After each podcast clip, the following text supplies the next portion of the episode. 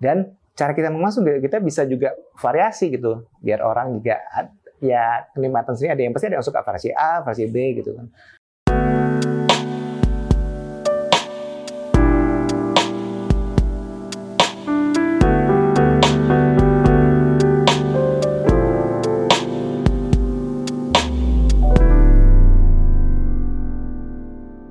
Baiklah semuanya, kita kembali lagi di episode terbaru The Felix Martua Series, series interview bersama para musisi dan tokoh pelaku musik Indonesia, bersama saya, jurnalis musik Felix Martua. Di sini saya sudah bersama dengan Andi Rianto dan Keisha Levonka yang akan merilis single duet mereka, remake lagu Mengejar Matahari yang pertama kali dipopulerkan oleh Ari Lasso. Apa kabar, Mas Andi, Keisha? Baik, baik, baik, Alhamdulillah. Sehat, syukurlah. Dan semoga tahun 2023 ini juga semakin aman, dari aspek pandemik dan kita bisa terus berkarya dan terus manggung ya secara offline. Rasanya udah malas banget ya nonton penampilan online dan di uh, gadget kita dan semacamnya. Nggak dapet feel-nya. Oke, sebelum kita bahas mengenai mengejar matahari ini, aku merasa aku perlu point out prestasi kalian di tahun 2022. Pertama, Mas Andi, akhirnya Mas Andi memenangkan Piala Citra tahun lalu setelah sekian lama dan Keisha juga menjadi salah satu artis Indonesia yang paling sukses tahun 2022 berkat tak ingin usai. Aku mau kasih pertanyaanku ini ke Mas Andi dulu. Pada akhirnya bagaimana Mas Andi memaknai tahun 2022 tersebut? Tahun 2022 itu saya merasakan sendiri seluruh kegiatan mulai menggeliat bangun, bangkit lagi. Jadi uh, 2022 itu mulai saya ikut ada kayak tour konsernya Rosa, kemudian uh, ada udah beberapa konser yang lumayan skala yang lumayan besar dan dengan penonton yang cukup banyak udah ada udah bisa di, diadakan gitu kan. Nah, jadi buat saya itu sangat sangat penting buat kita sebagai musisi gitu karena kita sangat sangat merindukan hal itu. Tampil live performing in front of audience itu nggak ada nggak ada gantinya lah. Kalau misalnya kita cuma perform, cuman abis itu untuk untuk online aja gitu, feelnya kan beda gitu, nggak enak. Nah, ketika Mas Andi menang Piala Citra untuk film Backstage, jujur deh, apakah rasanya seneng atau malah akhirnya? uh, saya dari dulu selalu menanamkan di diri saya gitu ya. Awards itu harus kita apresiasi, kita syukuri, uh, dan apa namanya membuat apa namanya kita ya apa ya bersyukur apresiasi tapi bukan tujuan kita berkarya sebenarnya. Tujuan utama. Bukan tujuan utama. bonus ya? Ah bonus. Bonus. Benar banget tuh guys ya. Nah kalau saya selalu bilang sama uh, orang-orang banyak saya selalu sharing ini adalah kita tuh berkarya itu yang penting tuh jujur gitu loh nggak usah macam-macam nggak usah yang kamu nggak usah jadi orang lain gitu. Ya nggak uh, usah ngikutin tren kalau kamu bisa ciptain tren kenapa enggak gitu. Dan dan paling penting adalah pokoknya berkarya dari hati dan bukan untuk piala bukan untuk viral bukan untuk itu semua. Tapi maksudnya kalau kita udah selesai karya itu udah keluar iya. kita bisa bangga atas karya itu. Itu yang paling penting. Oke kemudian Kesha tahun lalu kamu tanda kutip meledak. Meledaknya benar-benar meledak banget ya. Uh -uh. level nuklir level nuklir. Karena begini oke okay, semua orang kan sudah tahu kamu sejak kamu partisipasi di idol. Tapi ketika single kamu yang tak ingin usai ini meluncur aku secara pribadi sebagai seorang jurnalis musik belum pernah melihat ledakan seperti ini sebelumnya ledakannya cepat dan sangat sustain. Tapi memang setiap ledakan pasti ada sedikit damage, ya kan? Ya, di situ kamu merasakan popularitas yang benar-benar aku bayangkan ya, tidak disangka-sangka. Basically, kamu mendapatkan atensi dan mendapatkan observasi yang sampai ke titik-titik terkecil.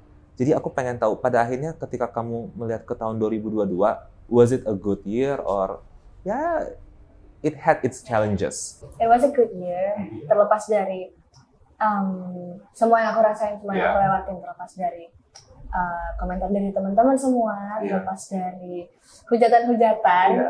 itu tahun 2022 mengajarkan aku banyak banget. Apalagi di usia aku 18-19 tahun pada saat itu, Iya. uh, rasanya apa ya? Kayak awalnya kayak hidup fine-fine aja, kayak udah anak remaja pada umumnya, Iya, terus iya. kayak uh, tiba-tiba lagu rame, semakin rame, makin di makin tinggi pohon kan makin tinggi anginnya juga. Betul. Jadi aku bersyukur sama apa pun yang terjadi di tahun 2022. Gak ada yang aku sesalin.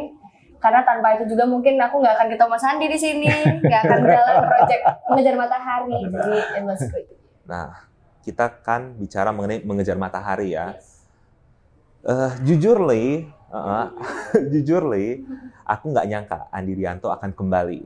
Kenapa? Karena Sang Dewi masih hot dan logikanya kan nggak perlu buru-buru ya, masih hot, eh, makanannya masih sedap, ngapain lagi sih kita bikin makanan yang lain lagi, ya kan?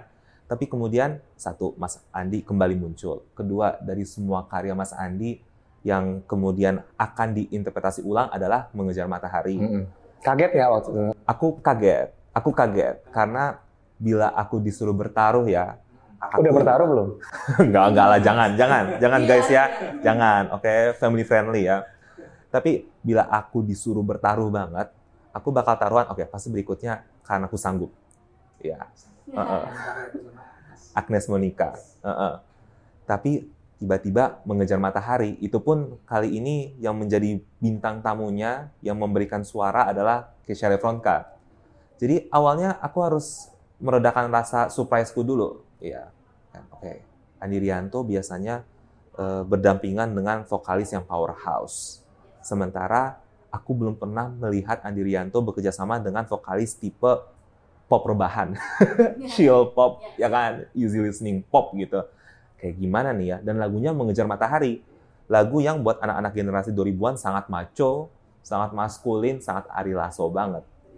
Tapi lama kelamaan aku berpikir ah asik juga sih ngelihat seorang Andi Rianto masih punya niat nakal gitu loh. iya masih punya eh, keinginan untuk coba menantang audiens menunjukkan sisi berbeda dari karya dia yang udah punya karakter sendiri. Tapi itu interpretasi aku. Aku mengasumsikan di sini Mas Andi punya niat nakal, ya kan? Tapi aku pengen tahu aja, dari semua lagu, kenapa mengejar matahari dulu? Sebelum kita nyampe ke Kesha Refronka ya. Eh, memang gini, sebenarnya awalnya itu adalah saya tuh udah berencana membuat eh, sekumpulan single nanti akan jadi akan jadi album. Dan itu dari 2016 sebenarnya. Tapi ya karena kesibukan segala macam konser dan Ah, ah, sebelumnya sebelum pandemi juga ini kan ada ada ada konser kita waktu itu 15 tahun Makin Orkestra itu di 2019. Nah, itu juga di 2016 saya udah niat nih aku mau bahasa kalbu nih nyanyi Raisa. Waktu di AMI 2016 aku yang nyerahin piala eh, apa namanya pokoknya piala Best of the Best-nya ke Raisa. Udah mau ngomong nih sama, sama Raisa ini nyanyi bahasa kalbu tapi nggak nggak nggak nggak sempet. Hmm. Akhirnya 2019 kejadian Raisa ny- nyanyi di konserku dengan Magenta Orkestra 15 tahun nyanyi bahasa kalbu. Kemudian itu 2019 kita lihat kita penonton kok banyak yang direkam aja nih. Akhirnya aku sama Boim, Mama Juni, sama Raisa kita tanggal 2020 kita buat ininya rekamannya, versi rekamannya. Ternyata sambutannya bagus. Itu kemudian aku ketemu lagi nih sama Liodra di suatu acara. Aku pengen aku pengen sang Dewi gitu. Kita akhirnya rekaman 2022 baru kejadian dan memang tahun lalu kita rilis di Agustus. Sam- sambutannya juga alhamdulillah bagus. Nah, kemudian aku mau buat sesuatu yang lain.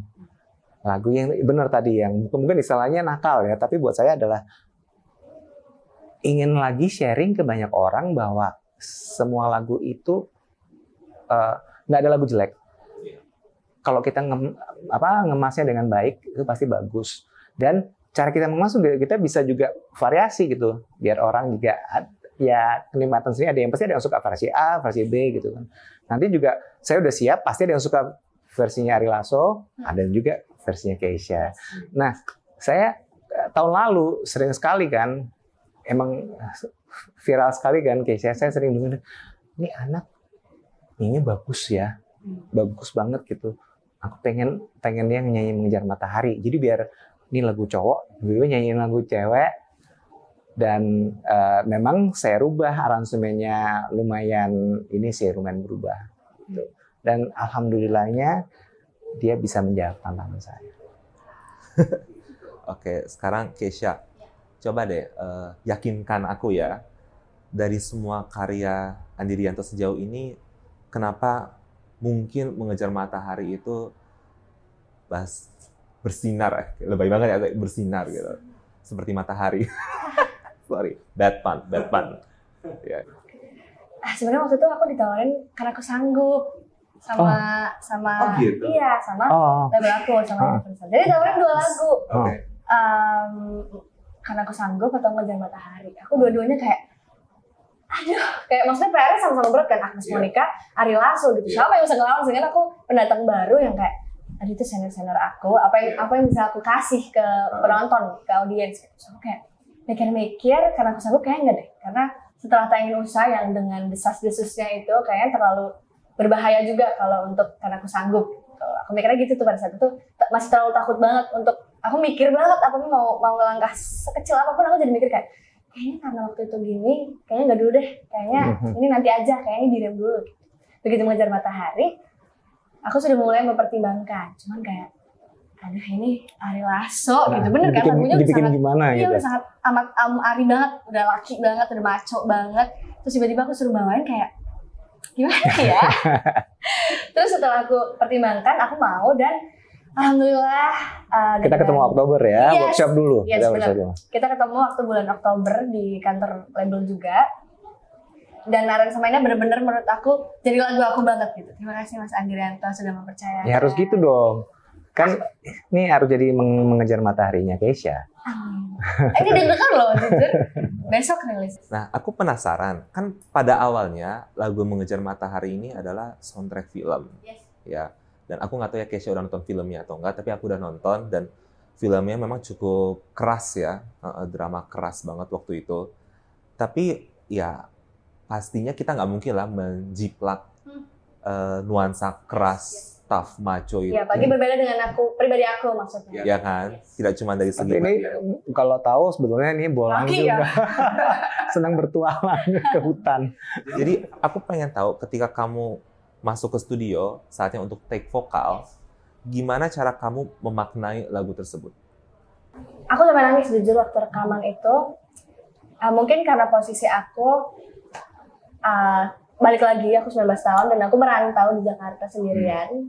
Jadi rasa kangen rumah, kangen teman-teman apalagi di saat usia yeah. segitu kan kayak aku pengen main, aku pengen nongkrong kayak gitu kan anak-anak remaja gitu.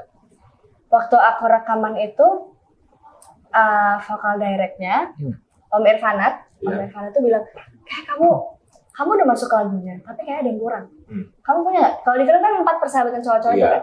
Kamu punya gak sahabat cewek yang dekat banget sama kamu. Hmm. Kamu punya nggak sahabat? Punya. Dan aku punya empat sahabat aku dari SMA. Cewek-cewek semua kita hmm. berempat. Yeah. Dan itu pas banget aku sepanjang aku recording, aku taruh foto itu di situ. Sampai aku oh. nangis. Sekarang aku kangen mereka. Aku pengen, terus aku pengen kita sama-sama bareng-bareng menggapai mimpi, mengejar matahari. Hmm. Mungkin di situ sih uh, build emosinya. Mas Andi sempat ada percakapan juga nggak dengan sang original vokalis Ari Lasso? Aku aku telepon telepon Ari Lasso terus bilang, Ri lagu kita akan berkemandang kembali nih. Oh iya oke oke oke. Iya. Sama siapa yang nyanyi Keisha? Oh iya iya Arek Malang katanya gitu, yeah. katanya dia. iya dia jadi oh, dia, dia memberikan restu juga hmm? untuk versi Keisha ini. Oke. Okay. Nah pertanyaanku selanjutnya nih, kembali lagi ya, menurutku ini suatu kejutan karena baru bulan Agustus kemarin Sang Dewi dan kemudian mengejar matahari. Apakah tahun 2023 akan menjadi tahunnya Andi Rianto? Saya pengen sih tahun 2023 tahunnya semua orang. Oh. kelas nih, kelas. Oke, oke. Tapi kira-kira apa yang bisa kita ekspektasikan dari Mas Andi ke depannya? Karena terlihat banget kan, oke, okay, kayaknya masih ada lagi nih. kan tadi saya udah bilang kan mau memang mau buat nanti akan nanti nggak tahu akan masuk album Masuk dong. Masuk ya, oke. Okay. Oh. album, album dari studio ya, album dari studio. album dia dulu, terus nanti okay. saya akan mengumpulkan juga dalam album saya, gitu lagu-lagu karya saya, gitu. Oh. Jadi nanti memang masih akan ada lagi remake-remake lagu lainnya. Sedangkan untuk Kesha, kira-kira apa yang bisa Kesha spill mengenai album debut kamu. Ah benar, itu album pertama aku. Jadi belum banyak sih sebenarnya yang bisa di spill. Sebenarnya harusnya uh, rilisnya bulan ini sebenarnya makin banyak diundur karena banyak pertimbangan juga dan ada lagu yang masih kurang juga masih kurang Iya. satu ya. Ya, lihat Jadi aku sekarang ya, kode ya. Kan aku Iya, udah iya. tulis. Nanti coba dengerin. Oke. Ya jadi semoga uh, secepatnya bisa lancar dan bisa aku spill dikit-dikit ke kalian. Oke, dan begitu saatnya tiba, mudah-mudahan kita bisa ngobrol lagi ya. Amin semoga. Amin. Pertanyaan terakhir, dan aku rasa ini pantas untuk menutup interview ini.